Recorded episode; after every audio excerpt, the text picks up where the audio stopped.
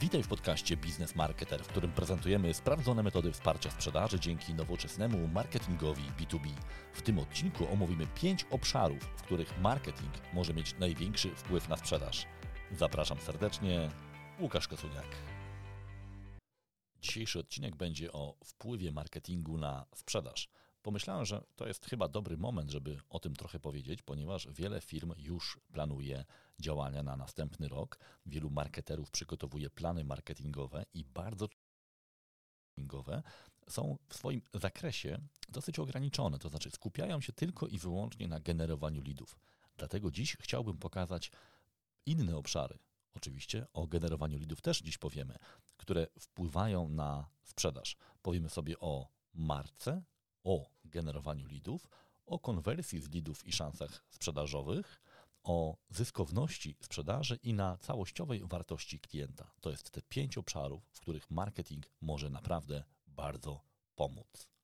Zanim przejdziemy do meritum, yy, chcę powiedzieć yy, kilka rzeczy a propos dzisiejszego tematu. Po pierwsze, użyłem takiego skrótu myślowego, mówiąc o marketingu. Oczywiście mówimy o komunikacji marketingowej, ponieważ Wiadomo, że marketing nawet tak klasycznie definiowany to jest to 4P, czyli Product, Price, Placement and Promotion, czyli troszkę szerzej niż to, co dziś omawiamy. Czyli my się skupimy na tym czwartym P, czyli właśnie promotion, czyli komunikacji i tym, w jaki sposób te treści działania marketingowe w obszarze komunikacji mogą wpłynąć na sprzedaż. Myślę, że przyjdzie czas, kiedy omówimy sobie pozostałe te elementy, bo myślę, że warto by mieć takie, taki właśnie komplet tych postów, tych podcastów. Jeżeli macie inne pomysły na to, to oczywiście też chętnie o tym posłucham. Dwa słowa na temat tego, y, co się y, dzieje ostatnio u mnie, bo dzieje się dużo. Ja zazwyczaj w podcaście o tym nie mówię, ale myślę, że to jest dobry moment, żeby też parę innych rzeczy Wam powiedzieć, bo tam też są ciekawe treści. Po pierwsze, uruchomiłem y, kilka tygodni temu już kanał YouTube, nazywa się Business Toolbox i pomysł jest taki, żeby na tym kanale pokazywać narzędzia i pewne taktyki, metody, y, które zwiększają efektywność marketingu i, i, sprzedaży. W pierwszych odcinkach moim partnerem było Cisco, dlatego mówiliśmy o pracy hybrydowej i właśnie o tym, jak działać marketingowo i sprzedażowo zdalnie, ale już ten ten sezon, ten, y, ten, ta, ta seria za nami. W tej chwili wchodzimy w omawianie nowych narzędzi. Bardzo serdecznie Cię zapraszam. Oczywiście link do tego kanału w opisie y, podcastu. Odniosę się jeszcze do innych odcinków podcastu. Ten odcinek jest bardzo powiązany z poprzednim odcinkiem, w którym mówię o y, marce, o roli marki w sprzedaży. Więc jeżeli interesuje Cię to, to zajrzyj do poprzedniego odcinka. Mm, zapraszam Cię też do obejrzenia mojego wystąpienia na LinkedIn Local Virtual. To jest spotkanie, które jest organizowane przez firmę Sherby, skupia zazwyczaj kilkaset osób. Mm, ja na nim opowiadałem o tym, w jaki sposób y, marketing wpływa na sprzedaż, y, jak co sprzedawcy powinni wiedzieć o marketingu, więc temat jest ewidentnie powiązany z dzisiejszym podcastem. Też link do tego y, odcinka znajdziesz. A chcecie też zaprosić do, czy, czy mm, przedstawić do rozważenia y, społeczność Sales Angels, y, przed którą miałem okazję wystąpić jakiś czas temu i będę też występował na ich y, finale. Oczywiście podlinkuję. Mówię o tym w dwóch obszarach. Jeden to jest, być może będziesz rozważać odwiedzenie tego finału. Tam można brać udział wirtualnie albo y, osobiście, ale też sam udział w społeczności Sales Angels jest myślę, że bardzo ciekawą daje ciekawe możliwości nie tylko networkingu, ale też zdobywania ciekawej wiedzy. Więc serdecznie Cię zapraszam. Informacje będą w opisie. Y, myślę, że to też jest powiązane z dzisiejszym odcinkiem, bo tam ewidentnie bardzo często rozmawiamy o wpływie i mm, związku marketingu i sprzedaży. Przejdźmy zatem do naszej części klasycznej, merytorycznej, czyli dziś powiemy sobie o tych pięciu filarach, pięciu obszarach, w których marketing, czyli komunikacja marketingowa będzie miała wpływ na sprzedaż, czyli jeszcze raz, marka, lidy, konwersja, zyskowność i całościowa wartość klienta. Zacznijmy od, od marki. Bardzo często w firmach B2B markę traktuje się po macoszemu. Niejako przy okazji innych działań ta marka y, rozwija się, chociaż trudno powiedzieć rozwija się, on tak sobie dryfuje. Z drugiej strony, jeżeli zapytamy szefów firm, czy dla nich ważna jest marka, to wszyscy powiedzą, że bardzo ważna. Natomiast jak często pytam e, przy projektach, czy szkoleniach, czy konsultacjach, co oni robią, jak, jakie konkretne działania, jaki budżet jest wydawany na markę, to tutaj już często zapada cisza. bardzo y, dużo tracą firmy, które nie zarządzają aktywnie swoją marką. Więc jeżeli jesteś szefem firmy albo marketerem i myślicie o tym, y, na co postawić, na czym się skupić w najbliższym roku, to nie zapominaj o działalności związanej z budowaniem marki. To nie muszą być jakieś niesamowite programy brandingowe, natomiast warto byłoby rzeczywiście spojrzeć przede wszystkim na to, czy to, y, co myślimy o sobie, czy tak też myślą nasi klienci. Czy ta marka jest spójna? Czy my mamy jakiś spójny komunikat, który chcemy dawać klientowi? Marka to jest pewna obietnica. Y, Jeff Bezos mówi, marka to jest to, co zostaje po tobie, jak wychodzisz z pokoju. Znaczy, o czym mówią osoby, z którymi rozmawiałeś. To oczywiście bardziej mówi o marce osobistej, ale to jest pewna spójność. Oczywiście tutaj nie będę przedstawiał definicji marki, bo y, są osoby, które y, tylko w tym się specjalizują, ale bardzo zachęcam Cię do tego, żebyście planując działania marketingowe, myśleli też o tym, w jaki sposób budować czy uspójnić markę, czyli to skojarzenie, to zestaw skojarzeń w głowie, y, w głowie klientów. Bardzo często odpowiedź, którą dostaję na pytanie, dlaczego nie zajmujecie się marką, jest taka, bo to jest takie niekonkretne. To, to, to i tak dzieje się przy okazji. Jeżeli mamy dobry produkt, jeżeli dobrze się komunikujemy z klientami, to ta marka się jakoś rozwija. No właśnie, z naciskiem na jakość, bo my tego nawet często nie mierzymy, a markę można mierzyć. Jest wiele metod. Ja odsyłam Cię do poprzedniego odcinka e, mojego e, podcastu, to jest odcinek 92. Y, tam mówię dokładnie o tym, jak można mierzyć markę i nie zawsze to jest kwestia wydawania dużych pieniędzy na jakieś działania, jakieś badania marketingowe, chociaż to też jest dobry pomysł, ale są też inne metody, które można wykorzystać i mierzyć rozwój naszej marki na, na bieżąco. Ja w tym obszarze skupię się na jednej rzeczy. Chcę Ci pokazać, że marka ma bezpośredni wpływ na e, proces sprzedaży. Jest takie powiedzenie, nie, nie wiem szczerze mówiąc, kto je wymyślił, ale bardzo do mnie trafia, że marka otwiera drzwi do połowy. Otwiera handlowcowi drzwi do połowy. To znaczy, handlowiec, który doty, do, dociera do klientów, ma już do połowy otwarte drzwi, jeżeli za nim stoi dobra marka. Ja miałem wiele takich rozmów, w których handlowcy przyznawali się, że byli uważani za świetnych handlowców, sami się uważali za świetnych handlowców, jeżeli pracowali dla dobrych marek, bo wtedy wszystko szło dosyć płynnie. W momencie, kiedy odeszli albo do innej firmy mniej znanej, albo założyli swoją działalność, nagle okazało się, że te drzwi do połowy już nie są otwarte i muszą włożyć o wiele więcej wysiłku w to, żeby je otworzyć to jest właśnie ta siła marki. Bardzo często handlowcy nie zdają sobie sprawy z tego, jak bardzo ta marka im pomaga. To, że w ogóle ktoś zgodził się na rozmowę z tym handlowcem, to, że ktoś w ogóle przyszedł na jakąś konferencję, na jakieś spotkanie, bardzo często było spowodowane tym, że stoi za tym jakaś rozpoznawalna marka, czyli jakieś dobre, pozytywne skojarzenie i oczekiwanie, że tu się będzie działo coś, coś ciekawego. Sam handlowiec bez marki jest y, y, zdany na, albo na własne takie kompetencje, nazwałbym komi voyagerskie, albo na konkurowanie często ceną, czy takimi parametrami, które stanowią ogromny koszt y, sprzedaży, czy w ogóle koszt pozyskania klienta. Więc warto jest w tym planie marketingowym, w tym działaniach marketingowych zaplanować aktywności, które są nastawione na budowanie marki. To nie musi być wyłącznie kwestia budowania marki, ale jeżeli y, tworzymy chociażby treści, to pomyślcie też o takich treściach, które nie są takimi treściami czysto sprzedażowymi, ale mają ten element takiego, tak zwanego thought leadership, czyli takiego y, lidera opinii. Pokazywanie pewnych problemów branżowych, omawianie ich, pokazywanie, że my to rozumiemy, że się na tym znamy. Podobnie to będzie działało na markę osobistą y, handlowców. Pokazujmy ich jako ekspertów w jakimś obszarze, a nie tylko ludzi, którzy potrafią coś szybko sprzedać. To jest inwestycja w efektywność procesu sprzedażowego. Dlaczego? Bo marka, nawet małej firmy, oznacza tak zwany bezpieczny wybór. Miałem też tutaj kilka y, odcinków na temat procesu decyzyjnego, też je podlinkuję.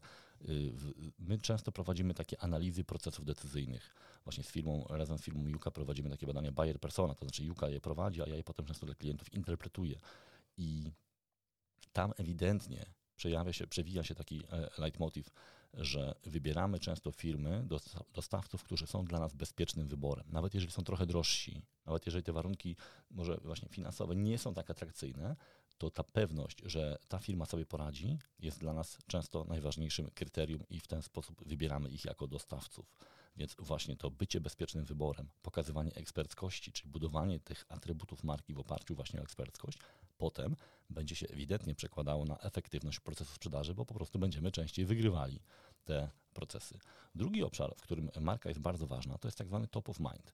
Bardzo często My, myśląc o tym, że klient robi jakiś research, przygotowuje się do y, wyboru rozwiązania, tak wyobrażamy sobie, że ktoś siada, otwiera, nie wiem, 20 okien wyszukiwarki, jakieś dokumenty rozkłada i analizuje. Podczas gdy bardzo często to jest tak, że ten research jest prowadzony na przykład w samochodzie w drodze do pracy, gdzie jakiś dyrektor, ktoś, nie wiem, właściciel firmy, decydent y, jedzie do pracy i dzwoni po swoich znajomych i pyta, słuchaj, a ten CRM to dobry jest, czy, czy niedobry? Albo czy warto na tą konferencję iść, czy nie warto? Albo czy warto tam od nich kupować, czy oni są w porządku, czy, czy nie? Jakie ty masz doświadczenia? To jest właśnie research. I wtedy jak my odpowiadamy, będąc takim znajomym? No, wybieramy, szukamy to, co jest gdzieś tam na, na, na początku naszego toku myślenia, czyli właśnie to top of mind.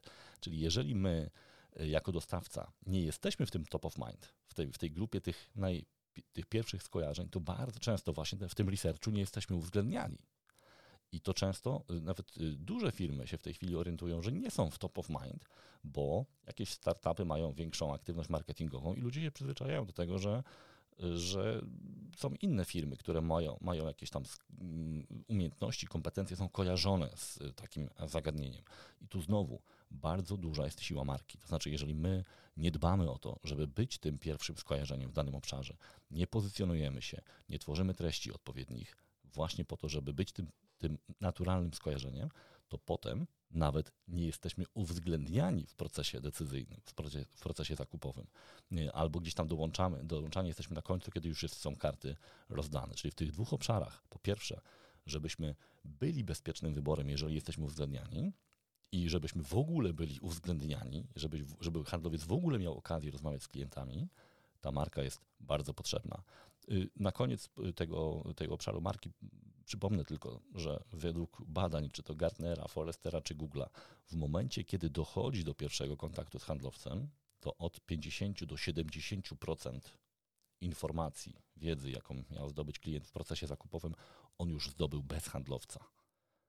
Więc jeżeli tam nas nie ma w obszarze, kiedy klient sam się edukuje, to bardzo trudno będzie potem handlowcowi e, uzyskać jakąś dobrą pozycję. A to między innymi jest właśnie kwestia budowania marki. Więc bardzo Cię zachęcam do tego, żebyście się przy, żeby się przyjrzeć temu, jak Wy tą markę swoją budujecie. Czy to są działania przemyślane, rozłożone na jakieś etapy, czy też dzieje się to przy okazji. Jeżeli dzieje się to przy okazji, to jest duże ryzyko, że dużo tracicie po prostu, że być może wiele lidów w ogóle się nie pojawia w obszarze, w orbicie, a wiele potencjalnych sprzedaży się nie wydarza właśnie, bo, bo ta marka nie przekonuje potencjalnego odbiorcę. Nie jesteście postrzegani jako tak zwany bezpieczny wybór, mimo że czasami macie bardziej innowacyjne produkty czy, y, czy usługi. Drugi obszar, ten taki klasyczny, lidy. No, wiadomo, że każdy marketer B2B, w zasadzie większość marketerów B2B ma te lidy jako główny swój y, obszar y, działania. I teraz, żeby nie mówić tutaj takich rzeczy zupełnie, zupełnie oczywistych, to ja chcę Ci y, podpowiedzieć kilka rzeczy, na których warto się skupić a propos właśnie lidów. Przede wszystkim zastanów się, ile Ty tak naprawdę lidów potrzebujesz. Czy nie generujesz zbyt dużo lidów, zbyt dużo lidów niskiej jakości, bo ja często się ciągle spotykam jeszcze z takim zachowaniem, gdzie pobieram sobie jakiś e-book i za chwilę już tam ktoś do mnie dzwoni czy pisze, że mi chce coś sprzedać. A ja chciałem tylko przeczytać ten e-book. Już nie będę opowiadał historii takich bardziej kompromitujących dla nawet dużych dostawców, gdzie to absolutnie nie miało żadnego sensu. Ale ja wiem, z czego to wynika. No, wynika to z tej dużej presji na ilość lidów po stronie y, marketingu. Zbyt duża ilość lidów niskiej jakości tak naprawdę obniża bardzo efektywność działu sprzedaży, bo te osoby muszą się zajmować lidami, które nie konwertują i po jakimś czasie po prostu pojawia się takie postrzeganie, że te lidy z marketingu tak naprawdę no, nie mają jakiegoś większego, większego e, sensu. Więc Ważne jest to, żeby ten rynek sobie trochę posegmentować. Oczywiście tych kryteriów segmentacji, czyli podziału rynku jest bardzo dużo, ale zwróć uwagę na, e, być może warto jest zwrócić uwagę na taki jeden element tego, tej segmentacji, która czasem jeszcze nie jest stosowana, czyli taki profil idealnego klienta. I tu nie chodzi o taki zmyślony profil idealnego klienta. Pamiętaj też, profil idealnego klienta to nie jest buyer persona. Buyer persona to jest odkodowanie procesu decyzyjnego, czyli odtworzenie kryteriów decyzyjnych konkretnych osób w komitecie zakupowym, a profil idealnego klienta to jest właśnie element segmentacji, gdzie my ustalamy sobie, jakie cechy powinny posiadać firmy, które chcemy pozyskiwać. I oczywiście na początku działalności firmy często jest to troszeczkę intuicyjne. Oczywiście można stosować różne metody y, i, i, i te kryteria y, konkretyzować, ale nie oszukujmy się, pewnie pierwszy rok czy dwa to jest nauka. Ale właśnie ta nauka powinna spowodować, że my już wiemy na przykład, jakich klientów nie chcemy pozyskiwać. Dlaczego? Bo na przykład koszt ich koszt sprzedaży jest tam bardzo wysoki, przykład koszt obsługi może być bardzo wysoki, ja do tego jeszcze wrócę. W związku z tym nie ma sensu tym klientom sprzedawać albo nawet ich y, adresować w naszej działalności marketingowej, bo y, pozyskanie tego klienta może oznaczyć więcej kłopotów niż zysków. I teraz w momencie, kiedy czasami takie ćwiczenie robimy z y, firmą, to okazuje się, że to jest czasem nawet 20-30% klientów. Tylko funkcjonuje jakiś taki wręcz religijne przekonanie, że my nie możemy żadnego klienta odrzucić, że nie możemy żadnego klienta e, odsunąć, bo się, bo się nie wiem, obrażą, bo to, e, bo to będzie powodowało, że inni klienci też się o tym dowiedzą. Nie, segmentacja to jest jeden z elementów e, budowy zdrowego lejka sprzedażowego. Jeżeli nie będziemy odrzucali pewnych kategorii klientów, bo na przykład nie jesteśmy w stanie ich obsłużyć dobrze, bo oni nie są dla nas zyskowni, bo generują bardzo dużo zapytań serwisowych albo jakichś tam innych kosztów w trakcie albo już po procesie sprzedaży, to powinniśmy takich klientów segmentować, czyli segmentować negatywnie, czyli dyskwalifikować z naszego e, procesu e, sprzedaży. Druga rzecz, na którą chcę zwrócić a, a propos e, generowania leadów, to jest właśnie dobre zrozumienie tego procesu decyzyjnego. Czyli zanim my przystąpimy do jakichś działań, do tak, budowania lejków sprzedażowych, warto jest y, zbudować sobie taką wiedzę, jak tak naprawdę wygląda taki uśredniony proces decyzyjny w naszej firmie. Y, my stosujemy do tego między innymi metodę właśnie buyer persona, o której już y, wspomniałem. Często o niej wspominam, bo to jest niesamowicie wartościowa wiedza. Krótko mówiąc, ta metoda polega na tym, że rozmawiamy z klientami, którzy już od nas kupili większości kilkoma, którzy nie kupili staramy się odkodować, jak ten proces wyglądał. Ustalamy, jakie były kryteria decyzyjne, e, jakie były oczekiwania, czego ci klienci się spodziewali po tym, jak ten produkt czy usługa zacznie działać jakie były blokady, co odciągało ich od decyzji, co utrudniało decyzję albo wręcz ją uniemożliwiało. No i wreszcie, jak wygląda komitet zakupowy.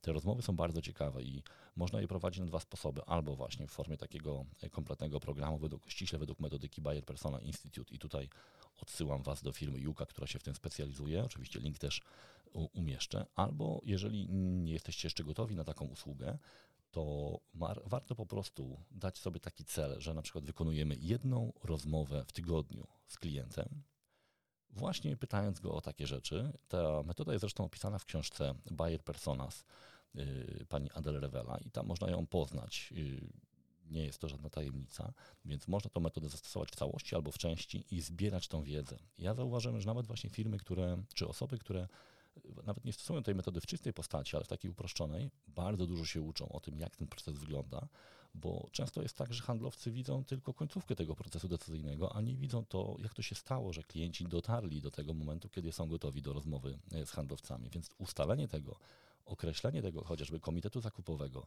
jakimi kryteriami ci ludzie się posługują, daje niesamowitą wiedzę i tak, tak zwaną władzę działowi marketingu czy marketerom, ponieważ już nie musicie opierać się o to, co wam powiedzą handlowcy, którzy też mają swoje interesy, tylko możecie oprzeć się o pewną e, obiektywną e, paczkę wiedzy i w ten sposób budować te lejki sprzedażowe, które naprawdę, naprawdę y, są skuteczne i pro, potrafią prowadzić klienta poprzez poszczególne etapy jego prawdziwego, a nie domyślnego, domy, wymyślonego procesu decyzyjnego.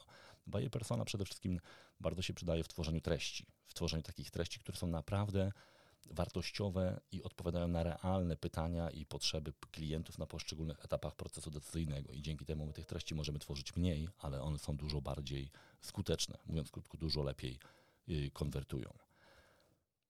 Rzecz, którą, na którą się warto też zastanowić, y, jeżeli myślicie o działaniach w przyszłym roku, to jest jakiś poziom automatyzacji procesów marketingowych. I ja wiem, że to czasem brzmi jak taka oferta dla wielkich korporacji, ale nawet jeżeli spojrzycie na moją działalność, część mojej działalności, ta działalność szkoleniowa jest prowadzona w zasadzie jednoosobowo. Ja ją prowadzę sam e, i mówię o tej części szkoleniowej i wykorzystuję system marketing automation właśnie po to, że na wiele rzeczy ja nie mam czasu, a chcę, żeby moi potencjalni klienci byli dobrze obsłużeni. Na przykład jeżeli organizuję jakieś szkolenie, webinary, konferencje i chcę, i tam jest potrzebna dosyć duża ilość komunikacji, czyli zaproszenia, potwierdzenia, jakieś e, rejestracje i tak dalej. Doskonale w tym sprawdzają się takie proste systemy. Ja akurat korzystam z GetResponse, Y, który ma też wbudowany moduł webinarowy, ma tak zwane lejki sprzedażowe, czy takie uproszczone już sekwencje sprzedażowe. Szczególnie jeżeli ktoś zaczyna, to myślę, że to może być dobre rozwiązanie. Podpowiem Ci tylko, że jeżeli generalnie myślisz o zwiększeniu ilości leadów takich wartościowych, to marketing automation według badań e, Salesforce podnosi y, ilość takich wartościowych leadów o około 24%, więc generalnie gra jest warta świeczki. Y, o lidach też dosyć dużo mówię, więc nie będę się tutaj za bardzo rozwodził czy roz, roz, rozgadywał. Podlinkuję Wam kilka innych odcinków, tam gdzie dużo bardziej szczegółowo w to wchodzę, ale generalnie, jeżeli myślicie o bardziej efektywnym generowaniu lidów, to proponuję skupić się właśnie na lepszej segmentacji, czyli spojrzeniu sobie na klientów, których już macie i których nie chcecie mieć, po to, żeby ich zdyskwalifikować, żeby ich nie pozyskiwać w sposób marketingowy. Dwa, o lepszym zrozumieniu procesu decyzyjnego, bo wtedy będziecie tworzyli lepsze treści i te lidy będą po prostu szybciej się generowały i ogrzewały. No i trzeci obszar, jakiś rodzaj automatyzacji, nawet takiej uproszczonej, po to, żeby można było e, lepiej, bardziej w sposób bardziej spersonalizowany obsługiwać e, te lidy czy naszych klientów, zapewnić im taki, taki profesjonalną obsługę, a jednocześnie nie generować sobie ręcznej pracy, bo wiem, że w małych zespołach już nie ma zazwyczaj miejsca na kolejną paczkę tej y, pracy ręcznej. Trzeci obszar, w którym marketing może bardzo pozytywnie wpływać na sprzedaż, to jest konwersja. Konwersja właśnie z lidów na sprzedaż, z szans sprzedażowych na, na sprzedaż. Właśnie ta jakość lidów jest tu kluczowym e, elementem, na który może marketing e, wpływać.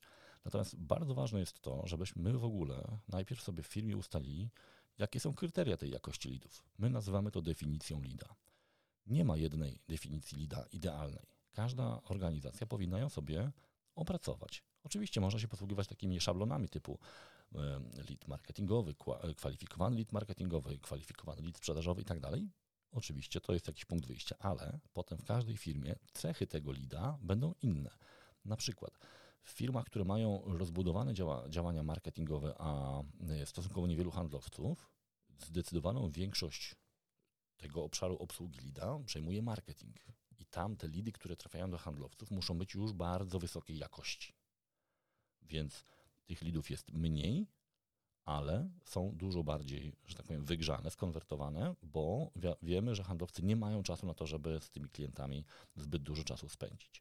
Ale istnieją też odwrotne sytuacje. Wtedy, kiedy marketing ma ograniczone e, środki, a jest dosyć dużo handlowców, i wtedy czasami opłaca się podzielić właśnie ten, ten zespół handlowy na takie dwie części, czyli tych handlowców bardzo wykwalifikowanych i tak zwanych lead catcherów, czyli ludzi, którzy dostają w miarę wczesne lidy, to znaczy te lidy jeszcze nie są odpowiednio wygrzane, odpowiednio skwalifikowane, ale właśnie oni w takich krótkich rozmowach szybko kwalifikują te lidy, odsiewają i decydują, które można przesłać do, dział, do działu sprzedaży już do bezpośredniego kontaktu, a które wracają do działu marketingu i jeszcze na przykład prowadzimy tam działania ogrzewające czy dalszą edukację niezależnie od tego, którą opcję przyjmiecie, warto taką definicję mieć, ustalić ją, to znaczy jakie cechy powinien spełniać lead, który ma być przekazany do działu sprzedaży i jakie kroki powinien wykonać dział sprzedaży, żeby ten lead potem zamieniał się w szansę sprzedaży, ostatecznie e, w sprzedaż.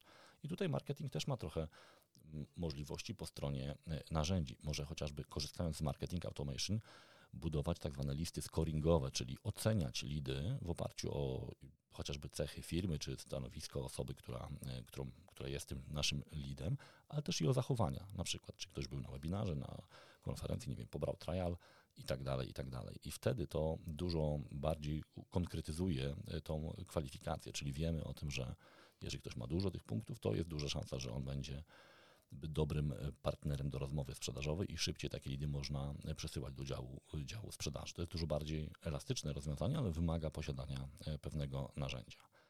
Bardzo ważnym elementem, który, na który marketing ma potężny wpływ, jeśli chodzi o sprzedaż, to jest generowanie, ułatwianie kontaktu z handlowcami.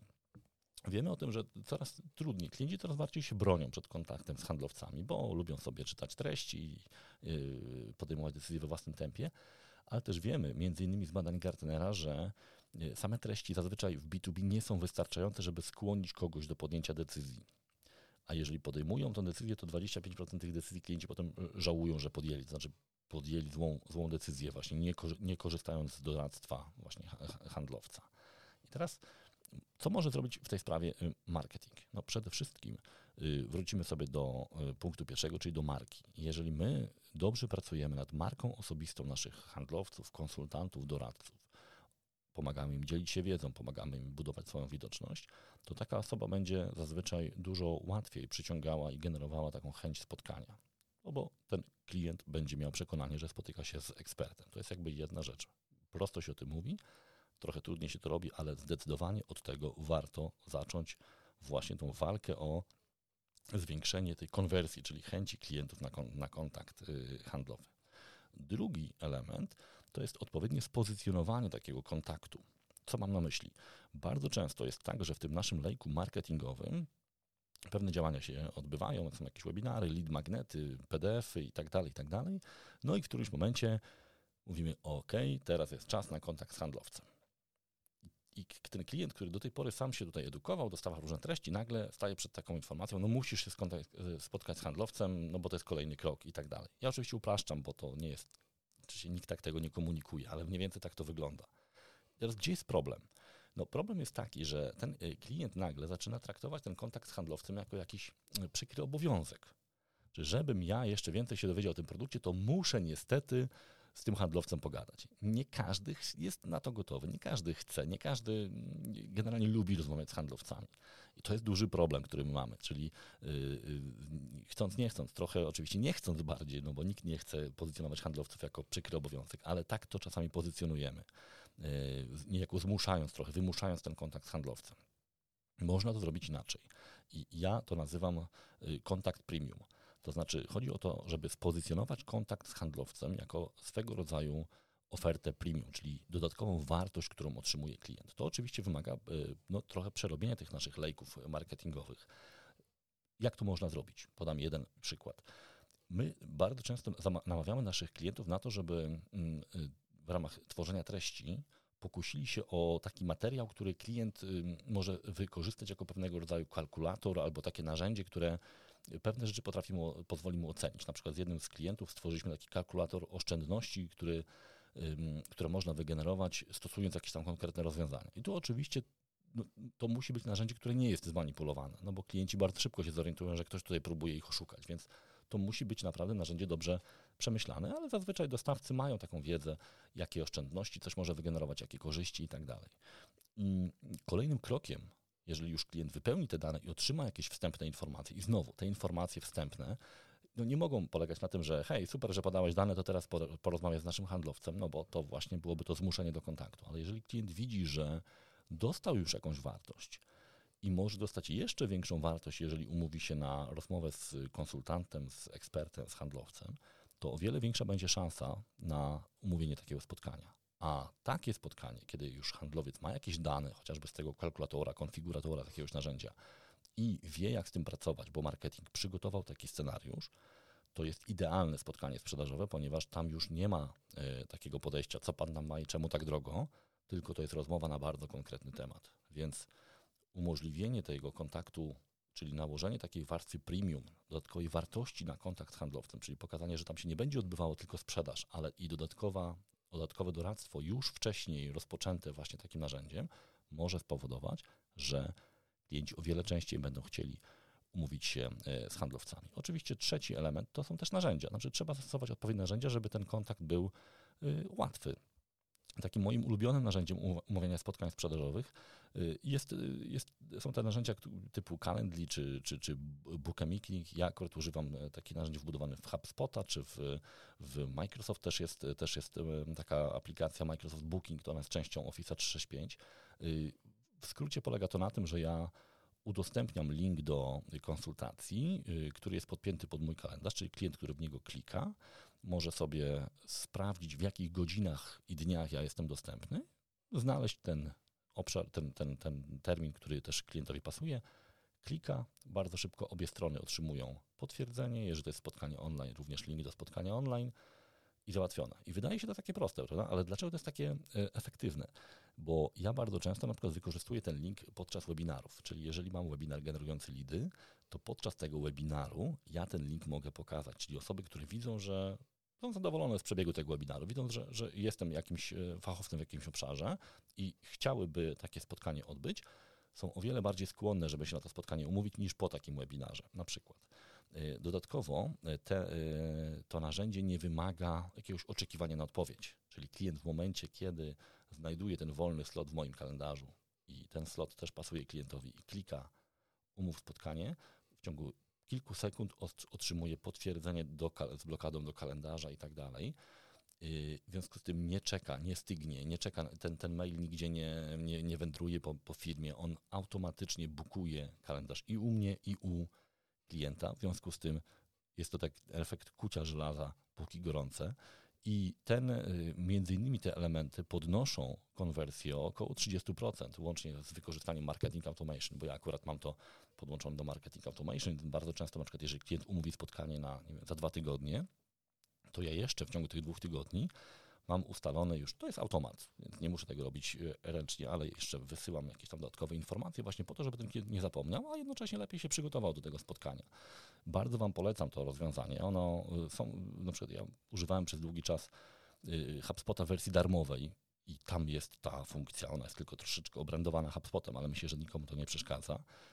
W tej chwili używam wersji płatnej HubSpota, właśnie używam Microsoft Bookings i te narzędzia naprawdę świetnie się nadają do umawiania spotkań i takiego zarządzania tym, co się dzieje przed takim spotkaniem, żeby tego klienta odpowiednio do tego spotkania przygotować.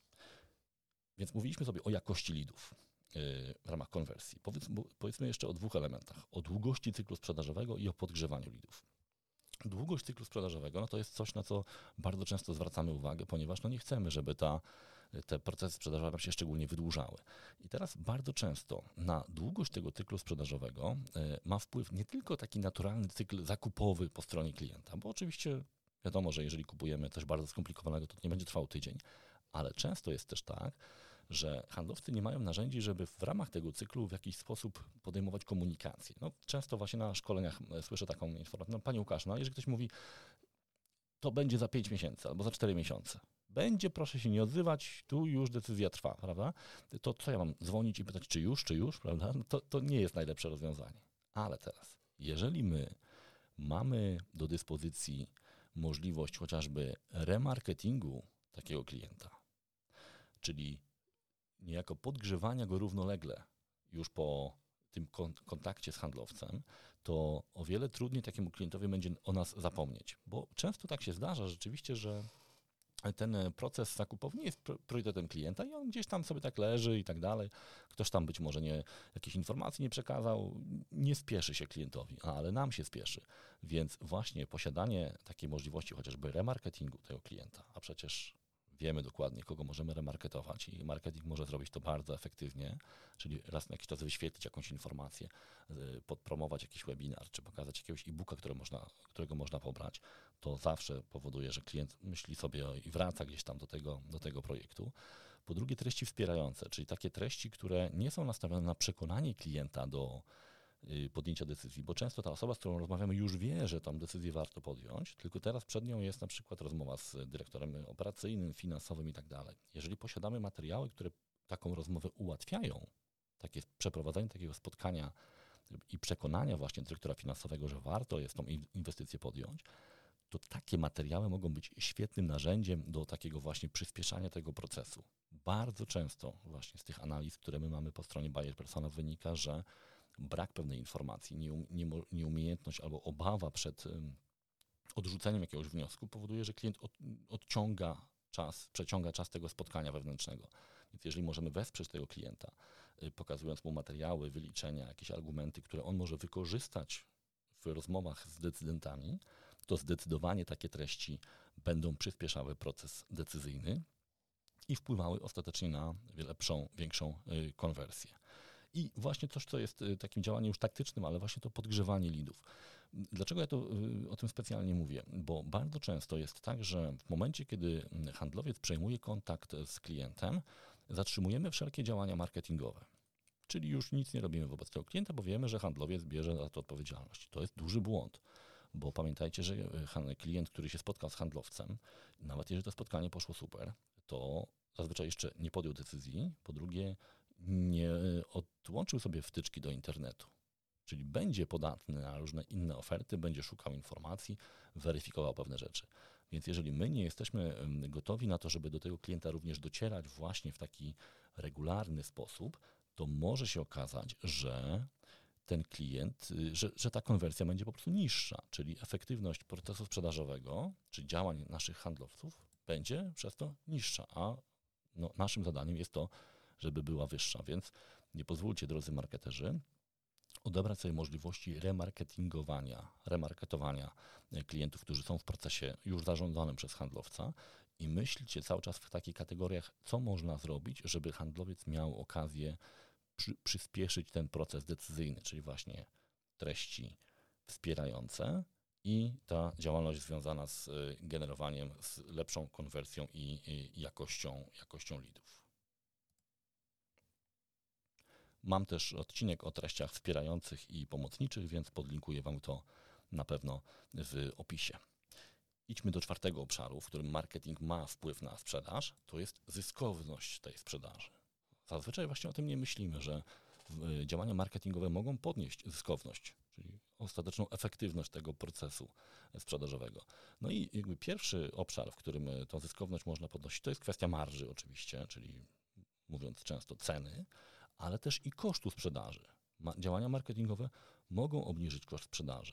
Co ważne, myślę, że marketerzy powinni też już obserwować bardzo wyraźnie, jaki jest koszt obsługi tego klienta.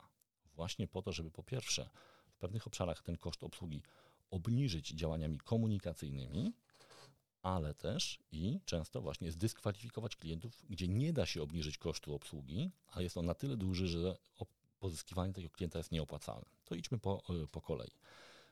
Przypadku marży i ceny bardzo często jest taka, takie przekonanie, że jeżeli wszyscy mają dany produkt w jakiejś cenie, to ja nie mogę mieć tej ceny droższej. I to po części wynika z tego, że no jeszcze te kilkanaście lat temu polski rynek był rynkiem rzeczywiście mocno dystrybucyjnym, to znaczy mało było produktów oryginalnych.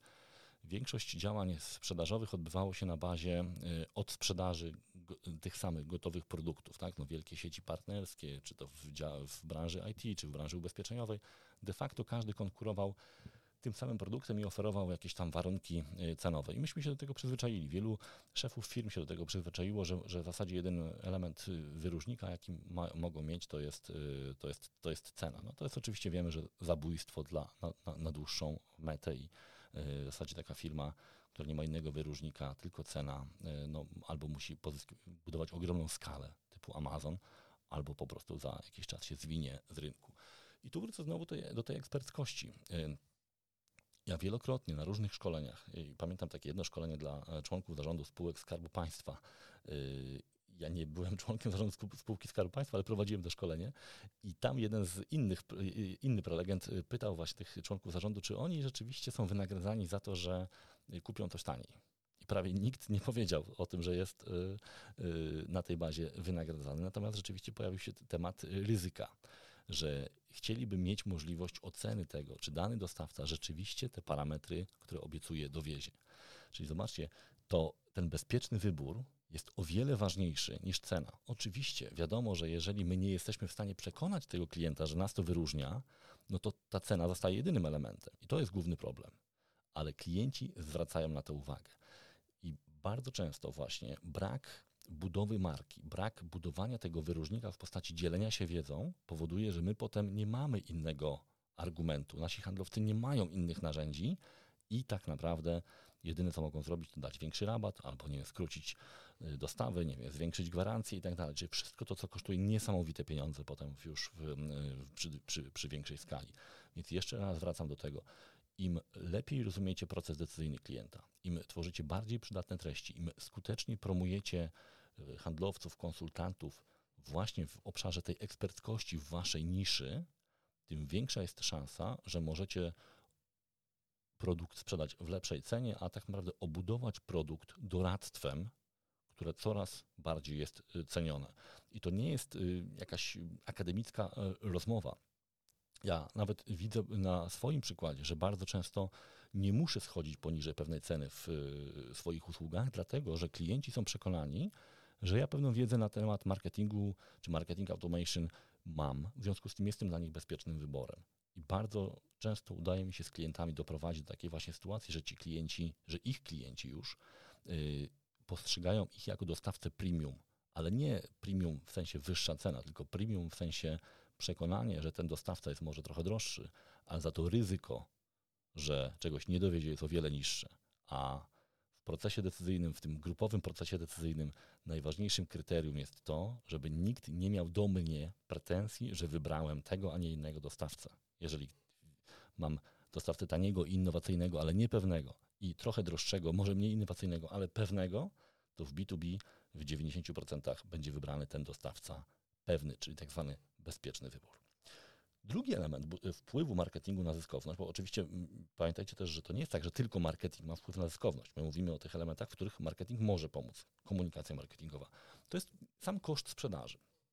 Bardzo często ten koszt sprzedaży jest, y, rośnie, dlatego że y, y, mamy taki proces, kiedy handlowcy muszą poświęcić ogromną ilość czasu na taką podstawową edukację klienta. Myśmy kiedyś nawet robili takie badania, gdzie pytaliśmy klientów o to, handlowców, o to, ile czasu oni poświęcają na edukację klientów. No i powiedzieli, że mm, około 30%. A potem zapytaliśmy, a ile z tych, y, mm, z tych działań edukacyjnych można byłoby, jest powtarzalne, można byłoby je zautomatyzować albo w jakiś sposób przenieść na treści? Powiedzieli, że około poło, po, po, y, połowa.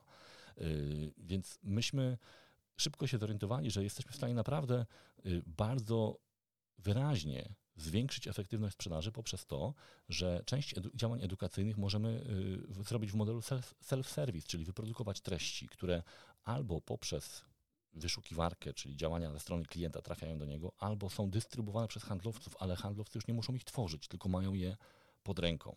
Tutaj właśnie znowu dobre zrozumienie procesu decyzyjnego i dobre zaprojektowanie treści, które naprawdę są wielokrotnie wykorzystywane, może spowodować, że my jako, jako marketing niezwykle wyraźnie zwiększymy efektywność działań sprzedażowych, właśnie odciążając handlowców od pracy, która jest powtarzalna i którą spokojnie i nawet z lepszą jakością może wykonać dział marketingu. Tutaj nie chodzi o to, żeby marketing robił coś za sprzedawców, tylko chodzi o to, żeby ci handlowcy nie musieli robić ciągle tych samych rzeczy, odpowiadać ciągle na te same pytania, tylko właśnie, żebyśmy te pytania zdefiniowali i utworzyli z tego y, treści. Mając treści, mamy jeszcze jeden element. My możemy te treści wielokrotnie wykorzystywać bez podnoszenia dodatkowych kosztów. Ja dlatego jestem fanem y, tak zwanego recyklingu treści, czyli na przykład jeżeli wiemy, że klienci zadają nam ciągle 20 tych samych pytań, to możemy nawet nagrać webinar, właśnie 20 najważniejszych pytań z obszaru wiem, marketing automation. Po nagraniu tego webinaru, nawet jeżeli w samym webinarze uczestniczyło niewiele osób na żywo, to ja mam treści, które mogę pociąć na kawałki, wielokrotnie wykorzystać w różnych formatach. Nie obciążam już tych handlowców i te treści działają niejako niezależnie od handlowców, bo są opublikowane w mediach społecznościowych, na naszych stronach, czy dadzą się wyszukać, czy na tym początkowym etapie klient taki może je znaleźć, ale handlowcy również mogą te materiały wykorzystać w swoim działaniu, a my również możemy je potem jako marketerzy wykorzystać, nawet jeżeli już klienci są w kontakcie z naszymi handlowcami, to właśnie w tych działaniach remarketingowych możemy te treści znowu klientowi przedstawić po to, żeby go dodatkowo edukować, jako y, podgrzewać. To jest ten drugi element. Koszt sprzedaży, czyli y, odciążenie handlowców od działań, które spokojnie można wykonać albo innymi narzędziami, albo wręcz zautomatyzować. jest jeszcze taki trzeci element, który w zasadzie nie jest działaniem czysto marketingowym, ale coraz częściej da się go zarządzać e, metodami i narzędziami marketingowymi. To jest właśnie koszt obsługi klienta. Ja e, tym, przyglądałem się tej, temu obszarowi w momencie, kiedy HubSpot, czyli firma, która ma taki duży system marketing automation, e, wprowadziła tak zwany Service Hub. I zastanawiam się, po co oni to robią? Dlaczego łączą obsługę klienta z marketingiem? Okazało się właśnie, że ta obsługa klienta też może być w pewnym stopniu zautomatyzowana i odciążona, jeżeli mamy dobrze ułożone procesy komunikacyjne. I chociażby właśnie ten przykład segmentacji po koszcie obsługi. Czyli mając taki system, który zbiera te informacje i na przykład wiemy, że jakaś kategoria klientów generuje jakieś nieporównywalnie z innymi koszty obsługi, ilość zapytań jest tam bardzo duża, to mamy dwie możliwości. Albo staramy się te koszty obniżyć w sposób y, taki, który nie generuje dodatkowych kosztów, czyli na przykład tworzymy bazę wiedzy, staramy się tych klientów edukować y, działaniami digitalowymi, czyli tutaj dokładnie metody marketingowe, albo podejmujemy decyzję, że tej kategorii klientów w ogóle nie pozyskujemy, po to, żeby nie generować sobie tych kosztów, które czasami przekraczają no, zyskowność z danego klienta. Więc y, te narzędzia marketingowe typu automatyzacja treści, personalizacja, obserwacja tych klientów to są dokładnie, to jest domena marketingu, która może wpływać na koszt obsługi klienta, w związku z tym ostatecznie będzie wpływała też na zyskowność operacji sprzedażowej jako takiej. No i ostatni element, tak zwany CLV, czyli wartość klienta w czasie. Coraz ważniejszy jest ten e, parametr, ponieważ wiele firm działa w modelu subskrypcyjnym, czyli no, jedna sprzedaż nie jest wystarczająca. Sprzedajemy w zasadzie przez cały czas i chcemy, żeby ci klienci od nas nie odchodzili, czyli y, mityczne ograniczanie, tak zwane churn, czyli właśnie utraty, utraty klientów, ale to nie jest y, technika, która sprawdza się tylko i wyłącznie w obszarze subskrypcyjnym, bo my przecież nawet sprzedając pojedyncze produkty w takim modelu one shot możemy myśleć o upsellu czy, czy cross-sellu, czy budowaniu takiego mm, chęci polecania nas przez klientów, która jest w B2B niesamowicie ważna. Więc w tych y, obszarach y, marketing czy komunikacja marketingowa może się bardzo przydać. No to y, powiedzmy sobie w takim razie, w jaki sposób może komunikacja marketingowa wpływać na ten churn, czyli utrzymanie klienta. I tutaj jest taka koncepcja, która nazywa się Customer Success Management. Bardzo często E, firmy traktują jako czysto obsługę klienta, czyli customer success to jest obsługa klienta. To oczywiście nie jest prawda, bo obsługa klienta generalnie jest reaktywna, czyli e, czeka aż klient zadzwoni, bo ma problem. Więc generalnie chcemy, żeby tych rozmów było jak najmniej, ponieważ no, jeżeli klient nie ma problemu, to znaczy, że nie dzwoni. W customer success my mamy aktywny aktywną strategię dotarcia do klienta. Chodzi o to, żeby klient już od momentu, od pierwszego dnia po zakupie był objęty pewnymi działaniami komunikacyjnymi, które ułatwiają przede wszystkim najpierw tak zwaną adopcję tego produktu, czy, czy, czy tak zwany onboarding, czyli klient generalnie ma zacząć z tego produktu korzystać w pełni, no bo wiemy, że jeżeli nie będzie w pełni korzystał, to za rok się zastanowi, czy ma płacić pełną cenę, prawda? Będzie chciał albo obniżyć cenę, albo, albo zupełnie odejść do konkurencji. I wiele z tych y, obszarów można zrobić znowu wykorzystując narzędzia y, automatyzacji marketingu czy personalizacji marketingu. I znowu marketerzy się świetnie do tego nadają, bo potrafią na przykład, mając odpowiednie narzędzia, zbudować segment klientów, którzy wykorzystują 100% produktu albo 50% produktu, albo na przykład nie przeszli pewnego szkolenia i w ten sposób zaprojektować działania komunikacyjne, które zapobiegą utracie tych klientów. No bo jeżeli ten klient korzysta z 20% możliwości produktu i nie przeszedł pewnego szkolenia i nie rozesłał informacji do swoich pracowników i gdzieś tam jeszcze są inne problemy, to możemy być przekonani, że po roku odnowienie będzie y, trudne. Jest duże ryzyko utraty tego klienta. Więc my możemy te parametry obserwować i odpowiednio reagować, znowu wykorzystując właśnie te działania związane z personalizacją czy z automatyzacją y, marketingu. Zresztą podobnie jest w upsellu czy cross-sellu. Jeżeli mamy odpowiednią segmentację, widzimy na przykład, że klient nabył jakąś usługę czy produkt, to możemy temu klientowi w odpowiednim momencie, wiemy na przykład, że nie od razu, ale po nie, kilku miesiącach, zacząć prezentować wartość związaną nie wiem, z wykupieniem jakiejś obsługi serwisowej, jakichś produk produktów komplementarnych, czy produktów, yy, czyli właśnie ten upsell produktów o wyższej wartości, czy większej funkcjonalności. Ale znowu yy, możemy to zrobić w sposób taki stopniowy, czyli edukować klienta o tym, że warto jest jeszcze coś więcej zrobić w danym obszarze, pokazać mu, że my ten produkt mamy i szukać tego sposobu, tego, tego momentu, kiedy y, handlowiec będzie mógł tą ofertę przedstawić, a często jest tak, że akurat w przypadku takim y, nawet bez y, udziału handlowca można wiele rzeczy zrobić. Oczywiście przy produktach skomplikowanych ten udział handlowca zawsze będzie kluczowy, ale przy prostszych produktach czasami ten upsell czy cross-sell udaje się zrealizować nawet nie obciążając dodatkowo handlowców tymi działaniami. No i ten ostatni obszar, właśnie budowanie wartości klienta, Y, jak, jak go nazywam, advocacy, czyli taka takie, no, lojalność, można powiedzieć. Tak?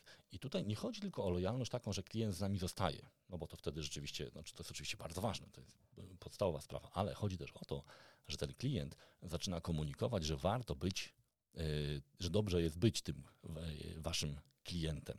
Yy, niektóre firmy robią to na zasadzie budowania pewnej społeczności, czyli budują pewną grupę, klientów, zapraszając je, ich na różne spotkania, do różnych y, gremiów komunikacji i tak dalej. To jest bardzo ciekawy pomysł wtedy, kiedy wiemy, że ta grupa ma jednorodne y, pomysły i ten networking jest istotny, ale to też może być y, taki ułożenie takiego procesu, kiedy z klientem pracujemy nad pewnymi na przykład właśnie wypowiedziami, tak zwanymi testimonialami czy case studies, po to, żeby, że tak powiem, kuć żelazo póki gorące, czyli kiedy mamy wysoki wskaźnik satysfakcji klienta i znowu no, badanie satysfakcji klienta może być z powodzeniem prowadzone narzędziami marketingowymi, klasyczny marketing automation, chociażby w uproszczeniu, w najprostszym wydaniu, to może być ten e, e, parametr e, Net Presenter, Promoter Score, e, czyli NPS. Wtedy, jeżeli on jest wysoki, możemy zrobić kolejny krok, czyli umówić się na przykład na rozmowę z takim klientem, czy nie chciałby podzielić się swoją wiedzą, doświadczeniem z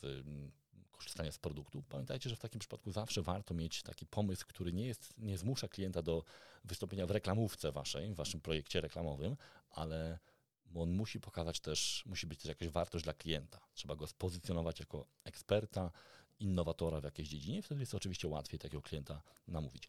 Ale znowu ten obszar właśnie advocacy jest bardzo często to jest chyba największy problem w ogóle. Kiedy ja pytam mm, klientów, czy macie testimoniale, czy macie case studies, większość klientów B2B mówi, nie mamy. I nie robimy tego. Dlaczego? Bo klienci się na to nie godzą. A jak często ich pytacie? No, czasem pytamy. To musi być w procesie. I znowu handlowcy średnio się nadają, mówiąc szczerze, do przypilnowania czegoś takiego. Oni mogą oczywiście skontaktować marketerów z klientem, ale nie poprowadzą tego procesu w całości. Nie szokujmy się, oni mają inne cele więc nie będą mieli na to czasu. A z drugiej strony oni będą potem z tego najbardziej korzystać, bo w którymś momencie klient będzie pytał o to, a kto jeszcze z tego produktu czy z tej usługi korzysta i tak dalej. Y, znowu z badań Bayer Persona, które, które mam okazję obserwować, wychodzi, że właśnie ta informacja o innych klientach, o wdrożeniach, o testimonialach, to jest druga pod kątem popularności informacja, której szukają klienci na stronach dostawców. Więc zdecydowanie warto to mieć. Tak, żeby uzupełnić Wam, y, że to nie jest jakaś taka teoria, to powiem Wam, że firma HubSpot właśnie, do której się często odnoszę, która jest takim no, królem digital marketingu, to jest, to jest dostawca, jeden z wiodących dostawców narzędzi marketing automation, ze świetnym content marketingiem, ze świetną konwersją z leadów. Y, w tej chwili około 30% leadów pozyskuje na bazie poleceń bezpośrednich. Czyli widzicie, firma absolutnie digitalowa ciągle korzysta z tego elementu adwokacji, takiego klasycznego polecenia przez klienta. No właśnie, to jest ten element, to jest ta wartość, którą można mieć, jeżeli dobrze zadbamy o tą całościową wartość klienta. Moi drodzy, kończymy. To już był ostatni element y, w tych y, obszarów wpływu marketingu na sprzedaż. Oczywiście ja sobie zdaję sprawę y, z tego, że jest ich więcej, ale myślę, że to są kluczowe. Chciałem tak ułożyć tą audycję, mam nadzieję, że mi się udało, żeby pokazać Wam, na czym można się skupić, budując jakiś plan czy strategię marketingową, żebyście nie skupiali się tylko i wyłącznie na generowaniu lidów. To jest bardzo ważne, ale jak widzicie, jeżeli zapomnimy o marce, to może się okazać, że to generowanie lidów nie będzie efektywne, ponieważ te lidy nie będą dobrze konwertowały. Jeżeli zapomnimy chociażby o, tym, o, tym, o tych poleceniach, o tym advocacy, to może się okazać, że będzie nam po prostu trudno potem przekonać klienta, że jesteśmy bezpiecznym wyborem. Jeżeli będziemy źle segmentowali i na przykład pozyskiwali klientów, których, których koszt obsługi czy koszt sprzedaży jest bardzo wysoki, to może się okazać, że generujemy więcej szkody niż pożytku. Więc jak widzicie, to są naczynia połączone. Warto jest o tym myśleć y, jako o takich punktach planu, ale punktach, które się bardzo ze sobą łączą. Mam nadzieję, że to było dla Was przydatne w ewentualnym budowaniu działań, planu działań na rok 2022. A jeżeli macie swoje pomysły na takie działania, które bardzo wpływają na sprzedaż, albo y, chcecie, żebym jakiś temat szczególnie omówił, to dajcie znać. W opisie y, odcinka zawsze jest mój adres e-mail albo można wykorzystać również kontakt poprzez LinkedIn. Ja tam jestem dosyć, dosyć aktywny. Wielkie dzięki. I to wszystko w dzisiejszym odcinku. Jeżeli te treści podobają Ci się, koniecznie zostaw nam gwiazdkę albo opinię w aplikacji podcastowej, albo podziel się tym odcinkiem swojej ulubionej sieci społecznościowej. A ja już dziś zapraszam Cię na kolejne odcinki podcastu Business Marketer. Pozdrawiam serdecznie, Łukasz Kosuniak.